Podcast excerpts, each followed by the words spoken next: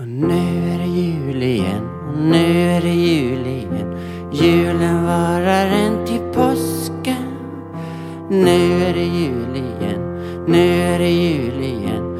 Julen varar än till påsken.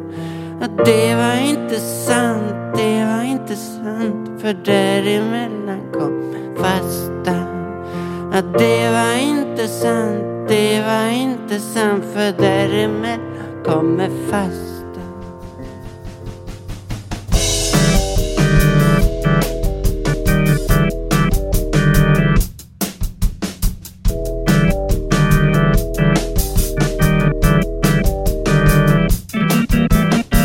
Hej Annika! Hej Lena. Nu lackar det mot jul. Det gör det verkligen. Mm. Känner du tomtarna komma smygande? Röda armén som någon sa en gång. Nu kommer Röda armén. Och ju, nu när vi går mot jul så öppnas också en möjlighet till en av de här dödssynderna som vi pratade om förra gången, frosseriet. För det är ju känt i, i alla fall i Sverige och västvärlden för ett enormt frosseri kring mat. Men också saker, ting. Och det kan ju vara lite intressant att fundera över idag om covid kommer innebära att vi frossar mindre i kanske både mat och saker den här julen. Eller inte. Eftersom det är ju så varje år att detaljhandeln slår ju rekord varje år fast människor runt omkring en pratar om att nu ska vi dra ner på julklappar och, vi ska, och så vidare. Vi ska äta lite annan mat och inte så mycket och så. Så ser man ändå då att det ökar varje år. Så det är en enormt frossande helg vi står inför nu. Vet du vad jag tänkte på med det? Att eh, just den här julen då, apropå covid, så kan man ju tänka så här, för, för när, vi, när vi pratar, eller funderar, när jag funderar kring frosseri, så är det ju också, vi brukar röra oss i motsatserna. Eh, kring kärlek och hat och, och, och så. Och då tänkte jag också på svälten som en förutsättning för frosseriet. Och på något sätt är ju nu i den här tiden, det är ju nästan som att det är en relationell svält. Mm. Alla längtar efter att få samlas på olika sätt. Alltså ett frosseri också, eller längtan efter att få liksom... Så det är någon slags fast, fasta som föregår julen nu då, som det gjorde Ja. förr. För då fastade man ju både in, före påsk och före jul. Ja. För att sen kunna vräka i sig. Ja, Vi är lite svältfödda nu på väldigt mycket. Ja. Relationer. som också är en form av näring naturligtvis. Mm. Relationer är också mat, har vi ju sagt många gånger. Annika Koster och Lena Lundqvist är socionomer och legitimerade psykoterapeuter. De är verksamma vid Göteborgs psykoterapiinstitut. De pratar på om psykoanalytiskt tänkande och psykoterapi. Men om vi stannar vid frosseri som dödssynd då. Så är ju det, eh, eh, tänker man ju om frosseriet, det är när man överkonsumerar så mycket som man inte behöver. Alltså så att det inte det går saker till spillo. Och så tänker man mycket på mat naturligtvis. Och överviktiga människor. Men det är också saker. Och ehm, eh, det är ju kopplat till en annan dödssynd, girighet idag. Girigheten är också väldigt stor. Eh, så att frosseriet är det kan ju vara så mycket så att säga. Va? Och eh, vi kan ju börja i terapirummet idag till exempel. ja. Hur du tänk, vi tänker om det. Hur, Ja. hur, hur, vad är det för frosseri som äger rum där? ja och, om om jag ska fortsätta lite där så tänkte jag om man liksom tar den här, det här motsatsparet svält och frosseri då. Mm. Och vi, vi går in i terapirummet så kan man ju tänka att, för jag tänker också i samband med jul och sommar så har vi ju alltid uppehåll i våra terapier. Och det kan ju väcka olika typer av reaktioner i, i personen som går i terapi. Och kanske också, eh, som, som vi ofta pratar om, det är beroende på när, hur länge man har gått också. Och var man befinner sig i, i sin inre värld. Hur man uppfattar det här uppehållet. Man skulle faktiskt kunna tänka, för jag tänkte så här, men vissa av mina patienter just i början på terapin så är det nästan som att, att uppehållet också blir som en svält. Alltså en frånvaro av mat. Av nä, ja, Ja. näringsrik mat från Ja. ett gott objekt. Precis. Medan det i slutet kanske när man har en levande, liksom mer process och en tillit i rummet så kan ju till och med uppehållen vara liksom platser för reflektion. Vad är det jag varit med om nu fram till jul? Vad har hänt i terapin? Var befinner jag mig inuti och så? En helt annan process. Det Men upp- tänkte jag på. Ja, uppehållet, jul och sommar är ju de stora uppehållen. Ja. Så det beror på när man börjar i terapi också. Om man börjar på hösten nu till exempel så blir ju, och det är första gången man går i terapi så blir, kan det bli ett slag i ansiktet att man är bortskuffad i tre, kanske till och med fyra veckor. Mm. Eh, och man har inte förstått eh, den känslan man får av det förrän man är där. Så att det här, varje vecka bryts ju då abrupt. Och eh, det är ju också det här med som kommer in, apropå uppehållen med, då fokuseras det också mer från patienten på terapeuten kanske. Terapeuten som går till sina fantastiska jular med alla tindrande barnaögon. Och eh, den fantastiska familjen som patienten tänker att terapeuten har och där bråkar man inte och där super man inte och så vidare. Va? Det blir så avund och sånt blir också förstärkt. Och varför blir det så egentligen? Var, var kommer det ifrån? Är det den här idealiseringen då? Av terapeuten och terapeutens liv och så, eller? Ja, Ja. början av en terapi så är är ju, och det ska ju vara så också, det är en form av förälskelse, då är ju terapeuten idealiserad. Och har inga brister. Och sen ska ju terapeuten, precis som föräldrarna, tas ner från piedestalen på något sätt. Och det här är ju kanske ett första steg mot den desillusioneringen. Att terapeuten också är en människa utanför. Under tre veckor så finns hon eller han inte här för mig. Och den personen har ett eget liv. Och det kan vi tänka på medveten kognitiv nivå så är det ju självklart. Men det är det inte när, du, när man sitter i terapirum så är det omedvetna så starkt så man nästan glömmer bort inom citationstecken att terapeuten har ett annat liv än att träffa mig. Så man bryter bubblan så att säga. Och det här temat nu med jul och frosseri och så och in i terapirummet. Alltså precis den idealiseringen, för många gånger har man ju suttit i ett terapirum och hört patienter prata om just sina fantasier om hur de tror att vi firar jul, som du säger. Eh, och det är ju närmast någon slags Fanny Alexander-jul, eller hur? Där, där idealiseringen är att hela släkten dansar långdans. Ja, men de gör ju andra saker också. De är Ja. otrogna och, och liksom Ja. dör i hjärtinfarkt. Och, Ja, det är ju sprickor redan. den är ju underbar den Fanny Alexander, Ja. har ju både och. Ja. Allan Edwall, han redan i början på filmen där börjar flämta, Ja, kommer du ihåg? precis, ja, precis. Och Jarl Kulle, han gör närmanden mot pigan där Ja, redan ja, under långdansen. Och så med han som fiser fjärtar där med barnbarnen i... vad heter han? Ja, spelar ingen roll. Mm. Men om man håller det här första temat och hur det kan vara för patienter när julen kommer Mm. och man inte har sin terapeut under x antal veckor så fick jag också, när vi har funderat kring det här med jul så har jag liksom Sagorna har ju verkligen kommit fram. Både Mm. filmer och sagor och böcker och barndom och allt möjligt. Men då tänkte jag också på, det är nästa, jag, ibland har jag fått den här känslan av att patienten är som den lilla flickan med svavelstickorna som sitter Mm. utanför liksom utanför det här vackra rummet där, där skink, som i H.C. Andersens saga. Mm, Och där inne är terapeutens liksom julfirande. Och man har inget tillträde. Och den enorma längtan liksom. Mm. Och man är ute i kylan på något sätt. Absolut, ute i kylan ja. Ute i kylan. Både bokstavligt och bildligt på jul ja, eftersom det är kallt. precis. Hej tomten. Det är lite sorg här. Min fågel är död. Men hon hade kvalster på näbben och en knöl under vingen. Nu struntar vi i det här och återgår till julen. Här kommer min önskelista. En undulatbur, en bob, kläder, en kälke, filmer, böcker, en filt, en riktigt fin jul. Här var önskelistan. Kramar, Helen 9 år. Ur barnens brev till tomten. är inte julbordet också bilden av det här frosseriet? Mm. Eller hur? Verkligen. Ja. Det är, ju- det, är, det är mest mat, det är det man tänker på först. När man hör för att man frossar i mat ja.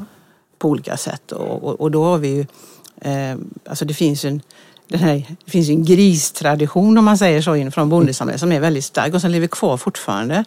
Att det ska vara, och det var ju den här grisen som man då eh, tog vara på varenda del av. Och där har vi alla sylter och korvar och all- allting som, som då naturligtvis kanske börjar försvinna lite grann nu och gå över till mer vegetarisk kost. Men grisen är fortfarande symbolen och julskinkan är ju, tror jag för de flesta, den är väl nästan omöjlig att bortse från även om vissa vegetarianer börjar göra det.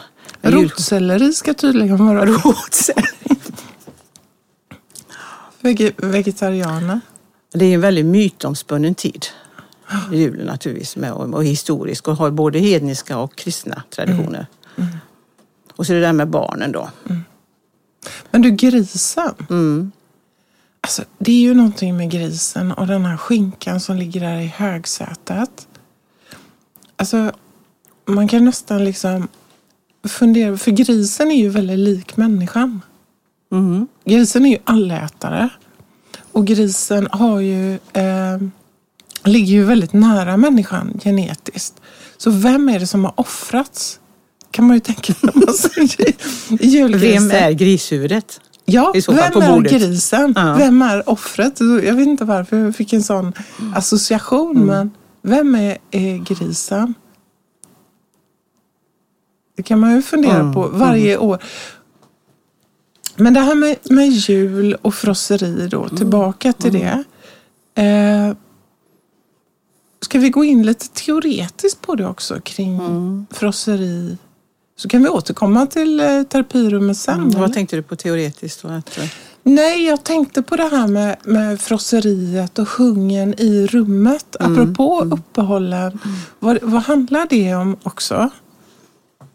Och, och eh, jag vet att Winnicott har ju skrivit om det, den här, den här liksom... eh, Jag vet inte om glupskhet och frosseri, om det ligger i samma eller är det, är det mer åt girighet? Vad tänker du?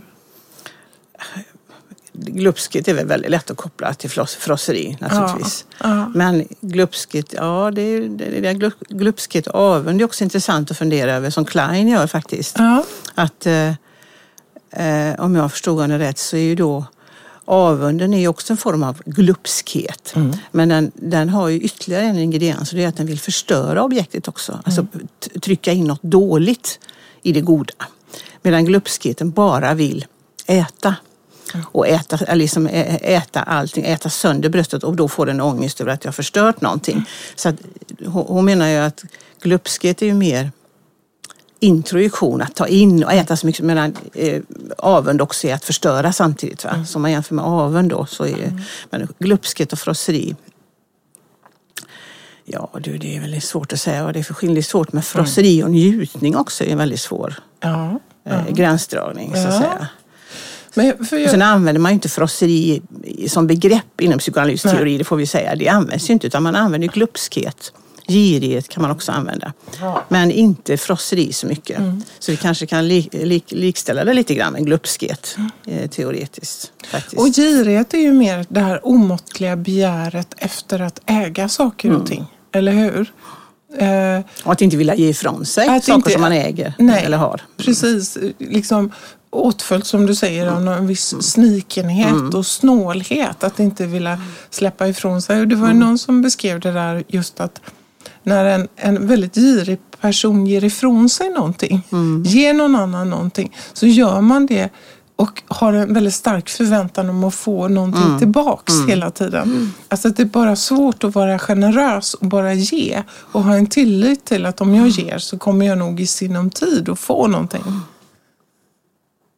Och girighet, apropå de här dödssynderna, det är väldigt intressant för att girighet och eh, även högmod är väl inte sådär väldigt, eh, inte de värsta dödssynderna idag, eller hur? Högmod och narcissism är ihop lite grann va? och girig, girigheten är accepterad i samhället. Men de som har mycket, de förväntas ju inte ge ifrån sig. Medan däremot avund och frosseri, frosseri är väldigt intressant för det innehåller ju en paradox tänker jag. Och det är ju, som någon sa, det är ju eh, i, i vår kultur idag så ska man ju då det är två imperativ som gäller. Man ska njuta till varje pris, det vill säga i meningen konsumera mycket mm. eftersom vi behöver köpa hela tiden. Men samtidigt så ska man aldrig släppa kontrollen. Och den kombinationen är ju jättesvår. Mm. Och det är ju den kulturen vi lever i som gör att det är väldigt svårt. Det här med hur vi ser på tjocka människor och så vidare. Hur vi ser på de som vi tänker frossar. Mm. Att det är inte bara så att de har ätit för mycket och blivit lite runda. För om vi går tillbaka i tiden så var ju runda, lite kraftiga människor, det var ju status och rikedom för. Det visade att man hade pengar, att man var lite tjock och rund. Och så har vi ett helt annat ideal idag. Och så att om man går tillbaka i tiden så, så, så eh, såg vi ju olika på det här som blir konsekvensen av frosseriet om man säger så. Om man äter mycket. I meningen äta. Så blir man tjock idag. Mm. Och det blev man också förr. Men nu har den låg status och då hade den högre status. Mm. Så att den här kombinationen att, att leva i ett samhälle där man ska konsumera mycket hela tiden. Och det innehåller både att äta och köpa saker och hålla på så här. Därför annars går inte hjulen runt. BNP måste öka varje år. Och samtidigt ska man ha kontroll. Det är inte konstigt att vi, vi har väldigt många som är sjukskrivna för psykiska besvär idag. Det är jobbigt att leva en sån paradox, tror jag. Mm. Mm. För att jag, eh, det intressanta är ju att, att det här med att eh, kroppen ska vara smal, inget överflöd. Alltså det bygger på att identiteten, om jag ska vara perfekt i mig själv så ska allting bort som är överflödigt. Mm. Så att säga. Och eh, man, om man tittar på språket så smyger det sig in sådana här ord som att företag bantar sin personal, de slimmar sin organisation, de streamlinas och allting ska vara fast. Och det liksom är en, och hårt. Och hårt, ja. Precis. Så det är en ganska kall värld på så vis. Eh, och då blir de här, om vi tar en, en följd av frosseri, matväg, att man blir tjock. Alltså de överviktiga är ju då idag en sån grupp som faktiskt vi lägger mycket projektioner på. De står ju för det här Eh, att man har tappat kontrollen. De står ju för det här att eh, att man kommer bli sjuk, man kommer dö i förtid. De, det som vi eh, eh tänker om vi själva skulle frossa. Så det är väldigt förbjudet kan man säga att frossa, inte bara utifrån att det är en dödssynd. Alltså det finns en moral, utan utifrån att då kommer jag inte ha den här fasta kroppen som är idealet idag. Men så har det inte alltid varit. Det får man inte glömma. Det är ju kanske hundra år som vi har haft sån här så här mycket mat, eller så småningom inte ens det. Vi har haft tillgång till så mycket mat. Mm. Socker till exempel läste jag, det är bara hundra år som det har funnits rent socker. Och det är det man blir tjockast av. Jag tänkte på det här dagen när jag vräkte i mig en sån här påse skumtomtar som jag är lite överförtjust i. Kostar 10 kronor på Coop. Så tänkte jag, jäklar de innehåller sån här gelatin. Och gelatin görs ju av gris, grisöron. Här har vi grisen. Ja, den nya grisen. Mm. Grisen är borttagen från julbordet. Istället har vi, vräker vi oss massa godis då, som också innehåller gris. Mm. Fast i, i processad form, man säger så. Mm. Lite kul. Ja, verkligen. Hej tomten. Hoppas inte du är för stressad inför julen. För om du inte är stressad så har vi någonting gemensamt. Här är några frågor som jag undrar över. Hur kan du bygga en radiostyrd bil utan utbildning? Jag tror på Gud, men jag tror inte på dig. Tycker du att jag ska sluta tro på Gud och börja tro på dig istället? Förra året när du var hos oss, varför hade du gummiband runt öronen då? Och nu till det sista hur julen kommer. Hur kan den bara komma? Hur kan den bara komma så där? Det var mina frågor. Hej då jultomten. Hoppas vi ses snart. Puss och kram skumbanan. PS. Jag älskar juleskum. DS. Axel 12 år. Jag tänker också på det här med frosseriet, kop kopplingen till svält. För jag tänker så här, du vet när människor, det man har har, vet om, om människor som har levt under svält i, under lång tid. Jag tänker till exempel när de öppnade koncentrationslägren efter andra världskriget så var ju de här människorna så utsvultna. Och den naturliga reflexen hos människor som är utsvultna det är att vräka i sig. Eller hur? Eh, och, men problemet är ju det att ens fysionomi och kroppen klarar ju inte av att ta in väldigt mycket mat när man är utsvulten. Utan man måste ju börja med soppa och, och sen, man måste alltså dosera och gå upp i mängd. Eller hur? Och det är någonting, eh, om man också kopplar tillbaka till för, för, om man kopplar tillbaka till terapirummet så tänkte jag på det, för eh, Gudrun Olsson har ju skrivit en, en väldigt fin bok som heter Metaforernas landskap om livet, kärleken och döden. Där beskriver hon ju en, en patient som går i terapi, som är väldigt hungrig, som vill kom, börja sin terapi och så, tänker så här, äh, säger till terapeuten, du kan vi inte öka på antalet gånger? Kan jag inte gå flera gånger i veckan? Mm. För mycket och snabbt liksom. Eh, men terapeuten säger mm, vi kanske ska vänta med det och lite och så. Och sen när patienten börjar bli beroende och har fått i sig liksom mat på något sätt, då, eh, och är så utsvulten på någon nivå, så tolkar jag det i alla fall. Mm. Det är ju då den här patienten går ut i någon park och tänker för sig själv. Nej, vi klarar oss själva. Mm. Nu skiter vi i det här. skriver Gudrun Olsson. Mm, mm. Så, alltså, försvaret mot, om man går tillbaka till det lilla barnet som är väldigt liksom hungrigt. Och om det är så att vi brukar röra oss kring de här goda och dåliga erfarenheterna tidigt i livet. Mm. Man kan ju tänka att om de goda erfarenheterna överväger så är glaset halvfullt hela tiden. Alltså, jag ser att ja, här mm. finns mer att få. Det är ingen fara, jag klarar mig. Men om jag har fått för lite på något sätt så att hatet är det som egentligen dominerar den inre scenen och icke-tilliten till att få. Då kan man ju tänka sig att, att omnipotensen träder in. Apropå också terapirum. Mm. Nej, jag behöver inte den här terapeuten över juluppehållet och sommaruppehållet. Jag klarar mig själv. Så då. Att det är en väldigt vanlig... Liksom, för, att, för att skydda sig? För att skydda sig själv, ja. Mm. Mot övergivandet och ensamheten. Ja. ja. Sen skriver hon väldigt fint också apropå kropp. Hon skriver ju så att de första metaforerna, hon skriver om metaforer vi har för liksom att navigera i världen och, och liksom, ja, för att beskriva vad som pågår inom oss och så, en länk mellan... Och då beskriver hon ju ord. Du är inne på det här med den smala människans liksom hårda, man ska slimma organisationen, man ska vara hård och fast. Men det är också mycket av metaforer liksom rör ju sig också kring kropp. Orddiarré eller ta in någonting. Eller, alltså det är ju mycket på det planet. Så allting, all glupskhet, all, apropå dödssyndan, frosseriet, det påbörjas ju egentligen i den första matsituationen. Mm.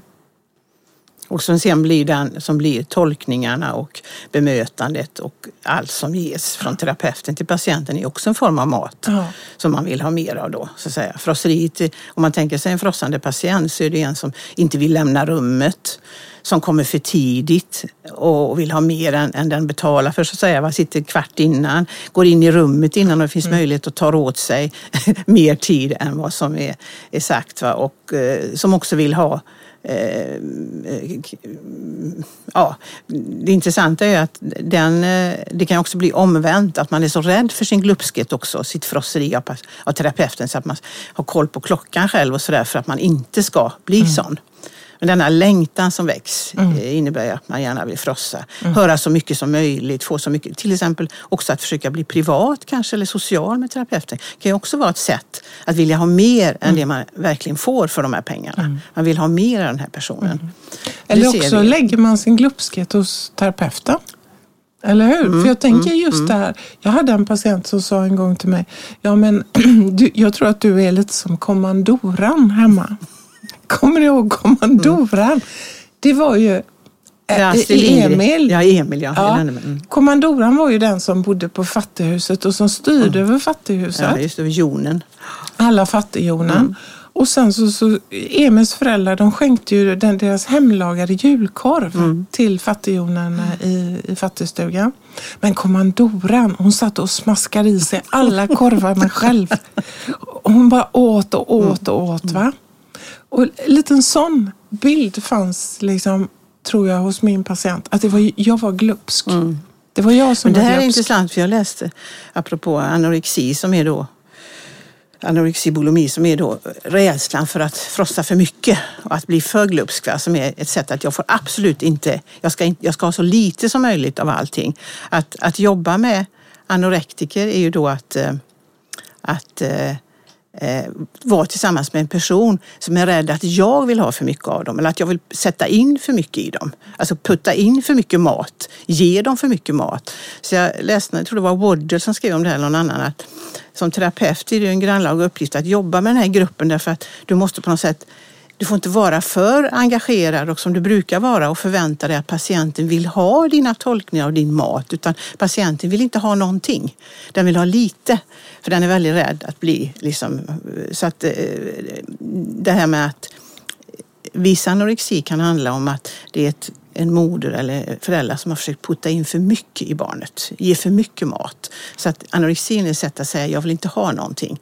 Därför att att putta in för mycket i ett barn, det är ju att att liksom så att säga projicera in, kallar vi ju det för. Och då läste jag en intressant, du vet vi pratar ju om containing, den containande, härbärgerande föräldern. Och en container är ju kon, konva, konkava, den är ju rundad så att man kan ta emot barnets projektioner och jobba med dem och lägga tillbaka. Det är ju den, här bilden av den goda modern eller den goda containern. Och då var det någon som har myntat begreppet konvex container.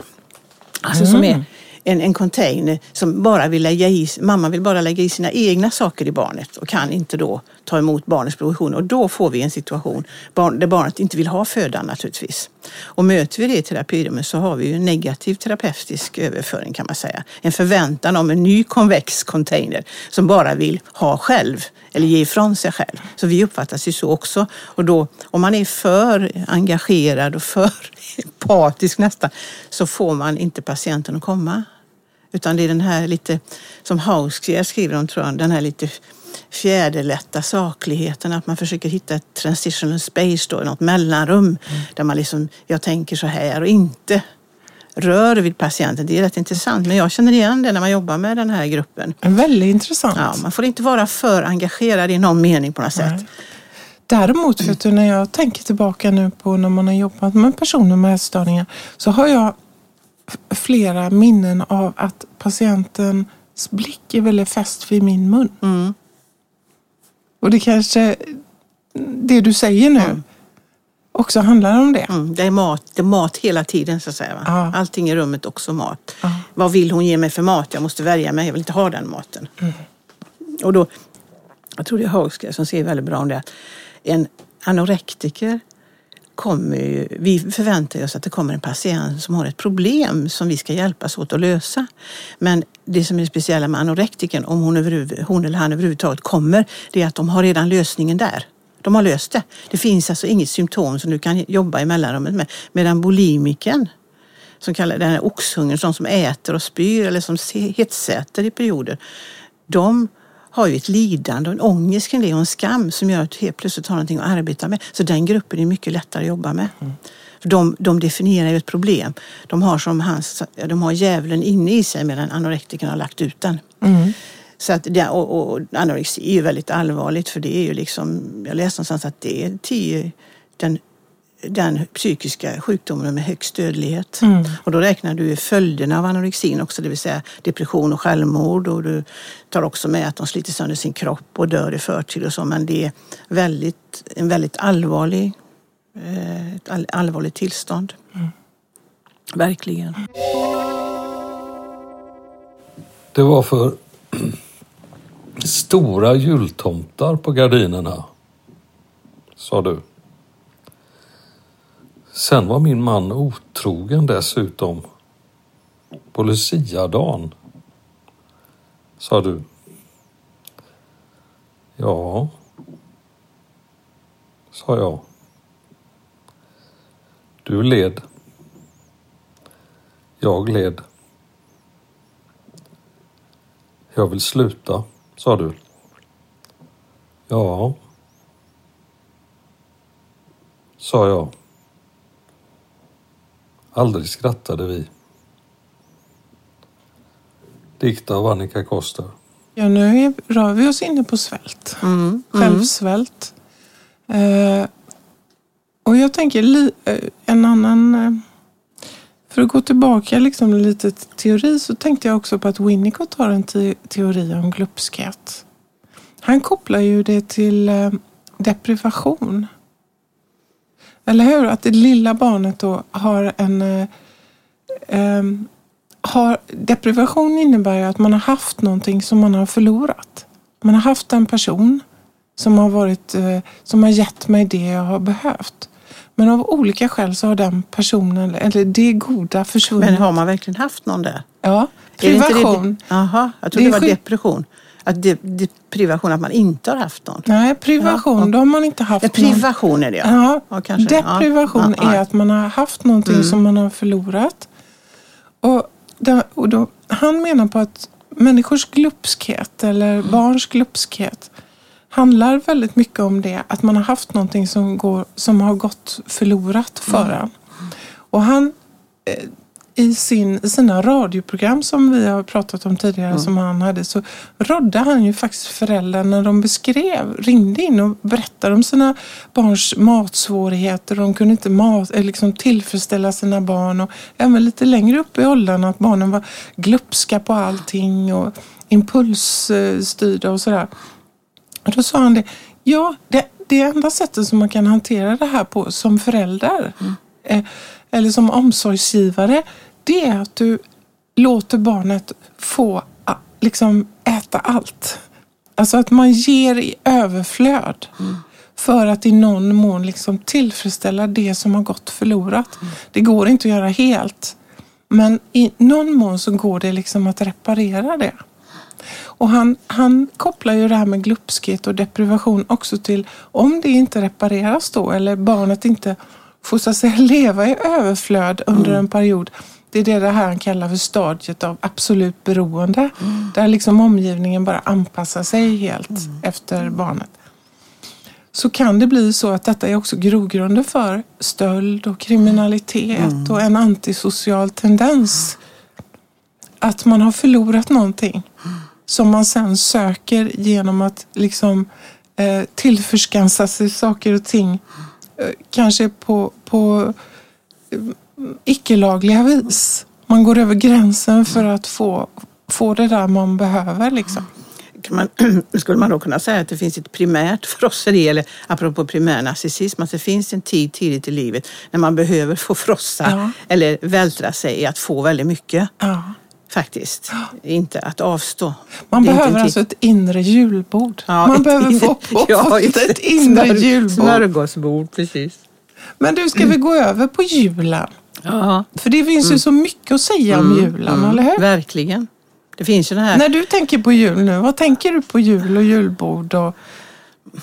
Ja, vad tänker jag på? Det är, det är, väldigt, det är, det är det att man ska träffa nära och kära. Det är väl den stora samlingen.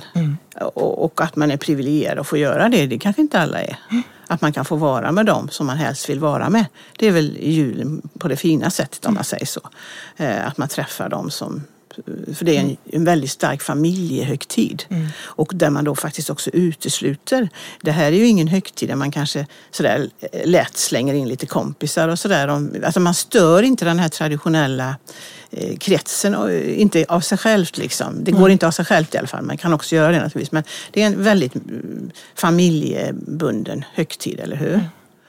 Och på gott och ont, måste man ju säga då. För det är klart att eh, eh, idealet är ju att eh, alla är nöjda och glada och så. Och så väldigt nöjda och glada ska man ju vara. Så att förberedelserna inför jul är ju hysteriska ibland. Eh, därför att det ska bli så himla fint de där timmarna då. Kanske efter kalanka. Om det är nog, man tittar på det fortfarande. Några timmar där ska vara perfekta på något sätt. Va? Och det bäddar ju för en enorm hög stress som i sin tur bäddar för ökad risk för konflikter kanske. Att folk detonerar så att säga. Eh, och eh, jag läste eh, något intressant om det här med vad man söker på akuten eh, för under jul eh, och stora högtider, men framförallt under jul. Och det är ju då högst upp tror jag det står kanske något förkylning. Det är ganska, men sen kommer ju alla de här hjärta nummer två. Och det finns en forskning från 2018 som visar att, att du har 40 procents högre risk att få en hjärtinfarkt på julafton än du har de övriga dagarna på året och till det efter klockan 10 på julaftonskväll. Och det intressanta är då att generellt sett så får människor ofta hjärtinfarkt på morgonen. Så att det följer inte några mallar och då tänker man så här, ja, de gör ju någon form av reflektion över det också, den här forskningen. Och det är ju naturligtvis det här att det föregås ju av enormt mycket stress att det ska vara så bra. Det föregås kanske av jobbiga resor som gör att man blir utmattad. Det föregås av enormt mycket intag av fet mat och alkohol, som också är, men också av kanske olösta konflikter som ligger där. Så visst är det intressant. Det är väldigt intressant. Ja. Och kan man tänka att på något sätt så ska julafton vara med överdådet och ljusen och allt det vackra och för det är en väldigt vacker högtid, tänker jag. Liksom, med ljuset i mörkret och maten och mm. stämningen och som du säger, alla, alla nära och kära och så. Mm. Men att det är egentligen, den, just den julaftonsituationen är som bilden av det goda bröstet. Mm. Eller hur? Mm. Kleins mm. goda. Det, det här mm. outtömliga mm. bröstet som, och, och apropå frosseri. Men det är ju också som du säger, för jag sa ju till dig för några veckor sedan när, jag, när vi pratade om det här med jul, att det är som att på jul finns det en, liksom, i många familjer tror jag, en lag. Att idag är den dag då vi inte pratar om det som vi egentligen allihopa skulle vilja säga till varandra. Just det säger vi inte och det kan ju också ligga bakom en sån här hjärtinfarktspress. Ja, för det skickas ju blickar. Nej, nej, nej, nej, nej, så blickar fram och tillbaka ja. när, man, när man ser att något är på gång tror jag. Ja. Så. Men julen är ju också tänker jag, de, de, varje familj har ju sin julberättelse. Och i det så finns ju också de döda med. Ja. Eller hur? Det är gamlemormors gamla sill. Mm. Så här mm. lagade, morfar läste alltid julevangeliet. Ja, mm. han, den och den brukar alltid vara tomte. Nu får du axla mm. den rollen. Mm. Det, varje familj har sin mm. egen berättelse och där de som inte finns med, finns med. Ja, det tänkte jag också på att därför är julafton, i alla fall i Sverige, för vi firar ju mest julafton. Det är ju också, tror jag, det smyger sig in väldigt mycket melankoli, nostalgi, Alltså mina egna barndomsjular, alla som är döda som du säger, som man saknar.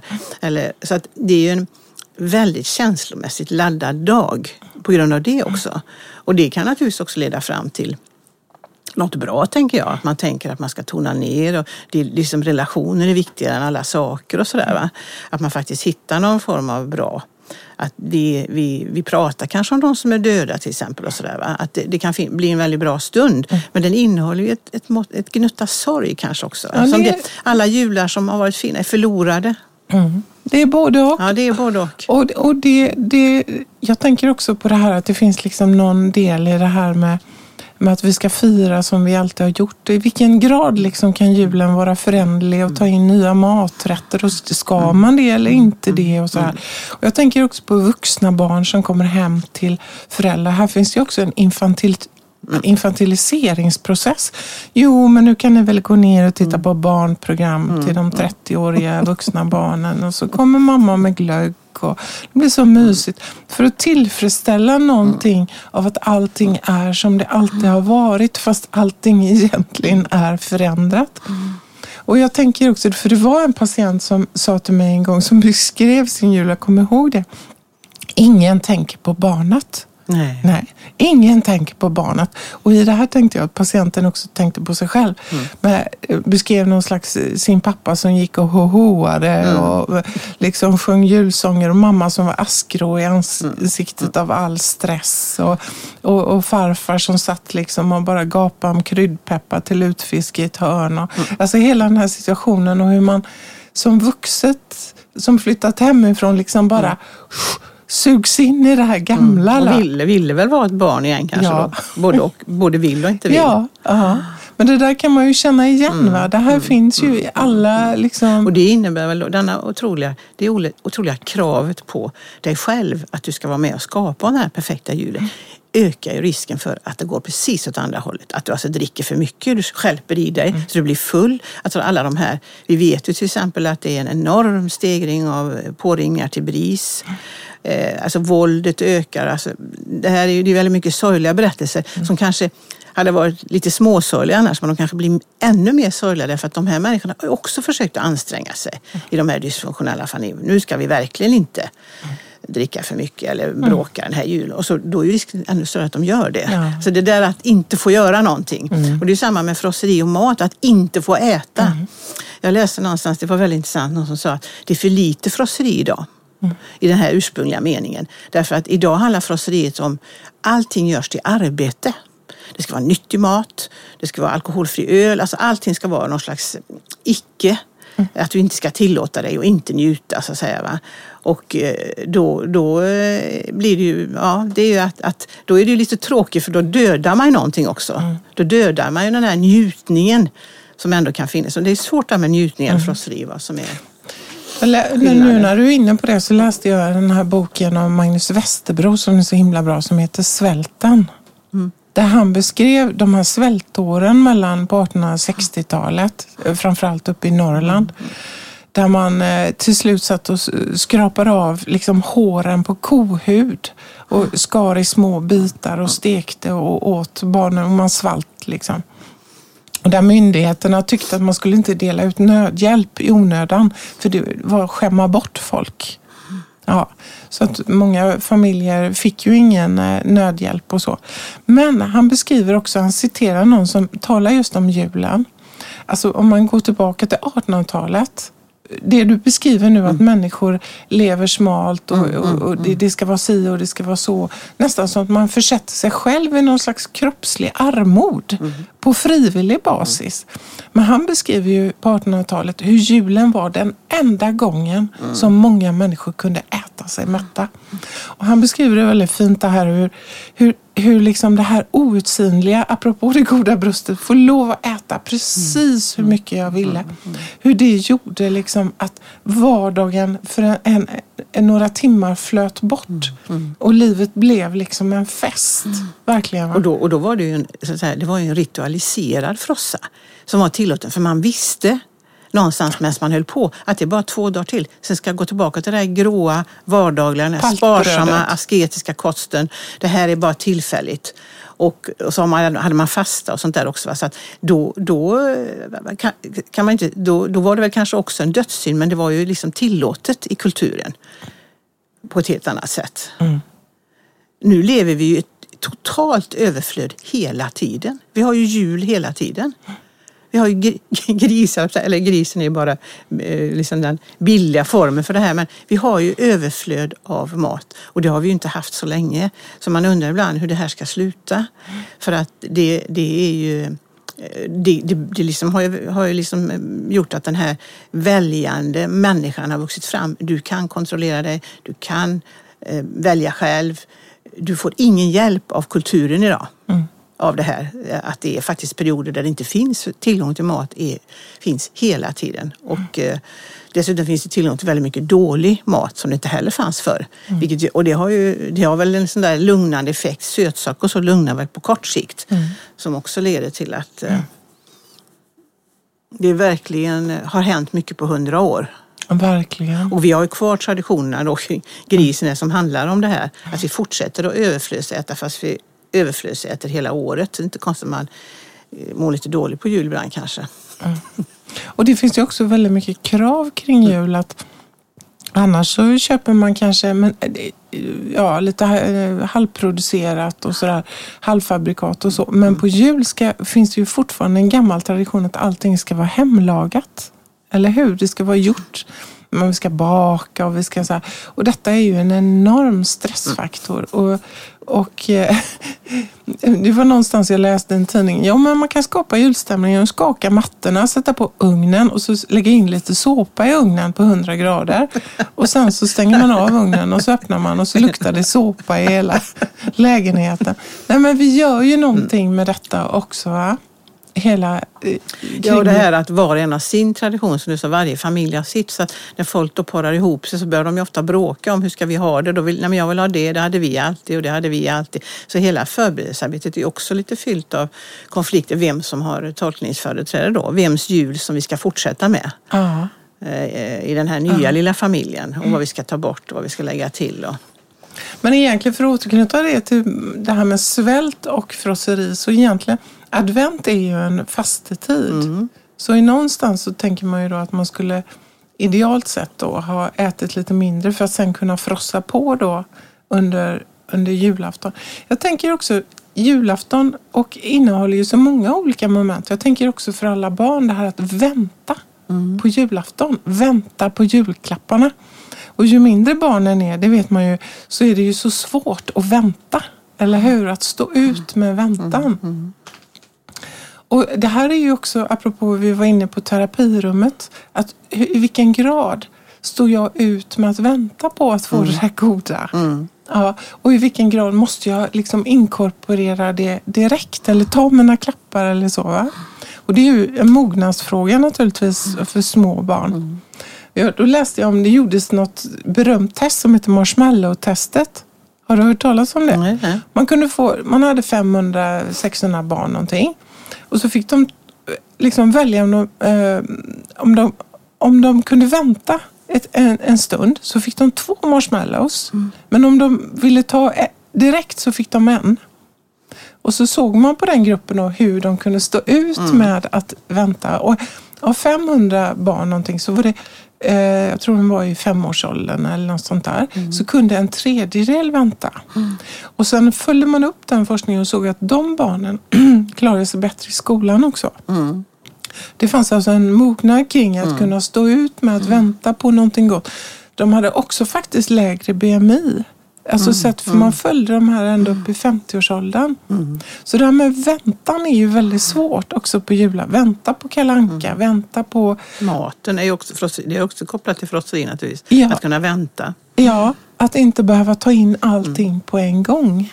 Men det är också andra grejer det här. Du ska vänta. Så vänta, jultomten kommer inte än. Du får vänta lite. Ja. Du ska ju också eh, du får inte heller ljuga för du ska ju svara ärligt på om du har varit snäll. Ja, varför det? då, då, då, då, måste du, har du inte varit snäll, svarar du inte ja på den frågan så får du inga julklappar. Det är väldigt ansträngande för små barn. Mm. Att behöva inte, inte ljuga, vara sanningsenliga. Och samtidigt då, så, så, om de inte har varit snälla då, ja, om de skulle då säga de då ingenting. får de ingenting. Nej. Men snäll läser du, det är väldigt intressant med det ordet, det har jag varit inne på innan, att det har ändrat betydelse. Men snäll här också läste jag någonstans att det, har, det betyder egentligen fort och rask och kvick och duktig. Mm. Så det är inte att vara snäll eh, och mild utan Eftergiven. det är att ha varit duktig. Mm. Det är prestation. Va? Har du varit duktig så ska du få julklappar. För det kommer, och du vet tyskans eh, snälltåg kommer från tyskans snäll som betyder fort. Mm. Så det betyder förr i tiden betyder det fort, mm. rask, kvick, duktig. Nu kommer jag att tänka på, apropå snäll, på Petter och Lottas jul som jag har liksom när vi, Elsa Beskow. Ja, Elsa Beskows. Ja. Kommer du ihåg det? Tant Brun, Tant Grön, Tant Gredelin. Mm. Liksom som bilden av någon slags eh, matriarkat där, eller urmödrar som mm. gick omkring. Tant Grön hon var ju mest i trädgården och Tant mm. Brun hon var inne och bakade pepparkakor och så. Hon var ju kring henne. Jag gillar henne bäst för det var, hon var liksom varm. Bullmamma. Bullmamma. Bullmamman. ja. Och sen var det ju tant Gredelin. Hon var ju lite eterisk och satt inne och broderade inne i ett rum. Eller hur? Och hon, hon var lite kyligare. Och sen var det ju Petter och Lotta. Mm. De här stackars föräldralösa barnen. På den tiden var det någon slags vi och dem-tänk nästan mm. Men frågan är, vem är farbror Blå? För det var ju han som kom in och frågade, finns det några snälla barn här? Mm. Och han var ju liksom perifer och en väldigt konstig figur egentligen. Men apropå genustänk Ja, på var den han någon tiden. karaktär överhuvudtaget eller? Ja, han var lite sträng och sådär. Ja. Och jag var alltid upptagen med frågan, vem har farbror Blå sex med av de här tre tanterna då? Va? Hur gammal var du när du läste den? sms Nej men sagorna har ju vem, funnits vem med. hade han sex med då? Jag vet inte det. Han fanns liksom bara där. Men man förstod aldrig riktigt. Och Petter och Lotta då var så tacksamma. De skulle ju vara så tacksamma eftersom de var egentligen familjehemsplacerade barn. Ja. Och lille Prick då, hunden, han hade ju tre rosetter. En grön, en brun och en gredelin. Men det, nu kommer vi in på ett helt annat tema. Det är väl också intressant apropå familjens placering, för det lever väl kvar lite grann. Att vi tar hand om de här stackars barnen som ingen, då ska vi få tack från de här barnen. Nu har ju de mycket handledning och så idag, familjen, förhoppningsvis. Men det finns ju en sån tanke när det, inte, när det fungerar precis tvärtom tyvärr. Att barn som är försummade och har farit illa, när de kommer till ett bra familjehem med bra familjehemsföräldrar, det är ju då de efter ett tag när den första smekmånaden börjar sätta igång och testa gränserna på det sättet att de blir odrägliga och besvärliga och jobbiga. För nu har de äntligen fått de där föräldrarna som ska kunna ta emot det här som de inte har kunnat lägga någonstans innan. Va? Så att det blir ett helt annat scenario. Det här är ju ett dilemma inom familjehemsvården. För vi handleder ju en del så vi hör ju mycket om detta. Va? Och att där den ser du- förståelsen saknas lite för mycket tycker jag. Att det är så Ja. det går till. Och sen efter det, om man orkar härbärgera det som familjehemspar, så kan man ju få Det Precis. kan vara en väldigt lång prövotid. Nu sa jag precis, jag skulle Mm. inte säga precis, men, men jag tänker att så är det ju. Och, och du är ju väldigt långt ifrån Petter och Lotta Ja, som precis. är ganska väluppfostrade Ja. och snälla Ja. och, och att de får en julklapp av farbror Blå och Mm. så, så vidare. Men det är ju faktiskt precis som du säger Lena, Mm. att, att om ett familjehem gör sitt arbete väl Mm. så kommer de att få ett helskotta efter ett tag. Och det är ju barnets hopp. Att precis. nu finns här någon som kan ta emot eh, min smärta och min frustration och mitt hat och utan att liksom gå i golvet på det. Och det är ju enormt läkande om det kan äga rum så. Men med familjehemsplacerade barn förresten så tänker jag också att det är ju just det här också, det illustrerar någonting annat, det här med julen. Och också, vem ska man vara hos på julafton? Och det här är ju bland alla familjer. Att man sliter mellan olika farföräldrar och morföräldrar och alla ska få lika. Det bär ju också de familjehemsplacerade barnen. Alltså i vilken grad ska jag vara, eller ska jag vara hos mina familjehemsföräldrar i jul och ska jag svika mina biologföräldrar eller tvärtom? Va? Hela tiden de här Och slitningarna. det finns ju oerhört utbrett idag i och med att vi har så mycket skilsmässor. Så finns ju det, de här nya styvfamiljskonstellationerna finns det ju hela tiden de här logistikproblemen. Så Ja. säga, va? Och då hör man ju en del som åker runt hela julafton för att tillfredsställa alla. Va? Och att man inte kan, just på jul är det väldigt farligt att ta ställning naturligtvis. Så man försöker ju mata då. Om man är ett, så säga, ett barn i en, en eh, skilsmässofamilj kanske man försöker mata både mamma och pappa för att det blir för jobbigt att ta ställning. Jag vill faktiskt vara där. Så att det är en väldigt känslig högtid Eller också i syskongrupper så är det en som Ja. Mm. säger jag kan vara hos mamma, då kan jag vara hos pappa. Att det är någon som tar ansvar Mm. för. Men som du säger, det är ju väldigt... I många familjer har ju det här. Jaha, ska ni inte åka? Ska ni bara åka till eh, Mm. farmor och farfar men inte till mormor och morfar? Alltså den här liksom konkurrensen och den här liksom skräcken att inte... Och jag tänker att, ja, vad ska man säga om det? finns ju inga enkla lösningar. Nej. Kanske mer än att ta varannan gång eller hitta ett Ja, det är ju system. det att man börjar organisera sig. Ja. Om, barnagrupp, om barngruppen börjar organisera det så Ja. löser det Men då måste de växa in i en vuxenroll och lämna, eller föräldrarna liksom, Ja. och tänka nu får vi tänka kring det här. Mm. Hur vi ska göra med. Ja, så det, det sker ju en gradvis förändring där. Och här kommer man ju in på det som du och jag pratade om i ungdomstiden. Att någon gång i 18-19 års åldern där så innebär ju det den här att bli vuxen in, i någon mening handlar ju också om att kunna göra sina föräldrar besvikna och ledsna. Eh, och trots att jag vet att de blir ledsna så måste jag ändå fatta det här beslutet. Alltså att gå emot sin förälders känsla. Att stå ut med att föräldern blir ledsen eller känner sig förbisedd eller så. Det är ju liksom, och det är mycket sånt på jul. Mm.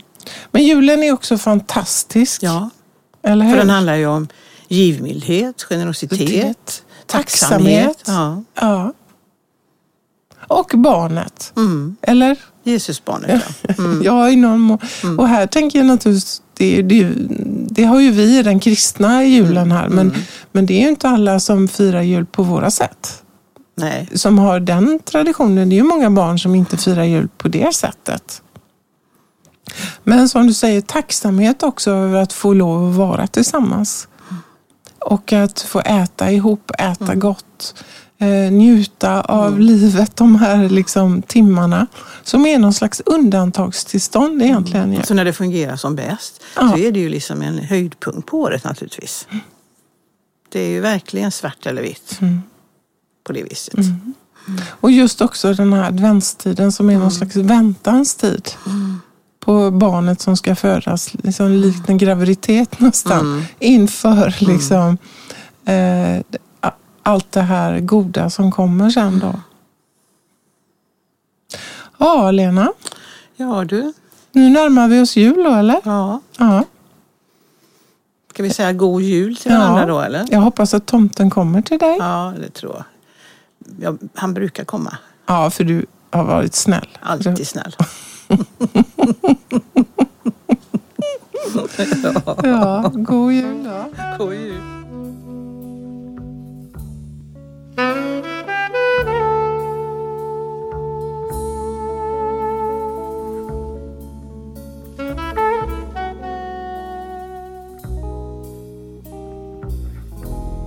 Thank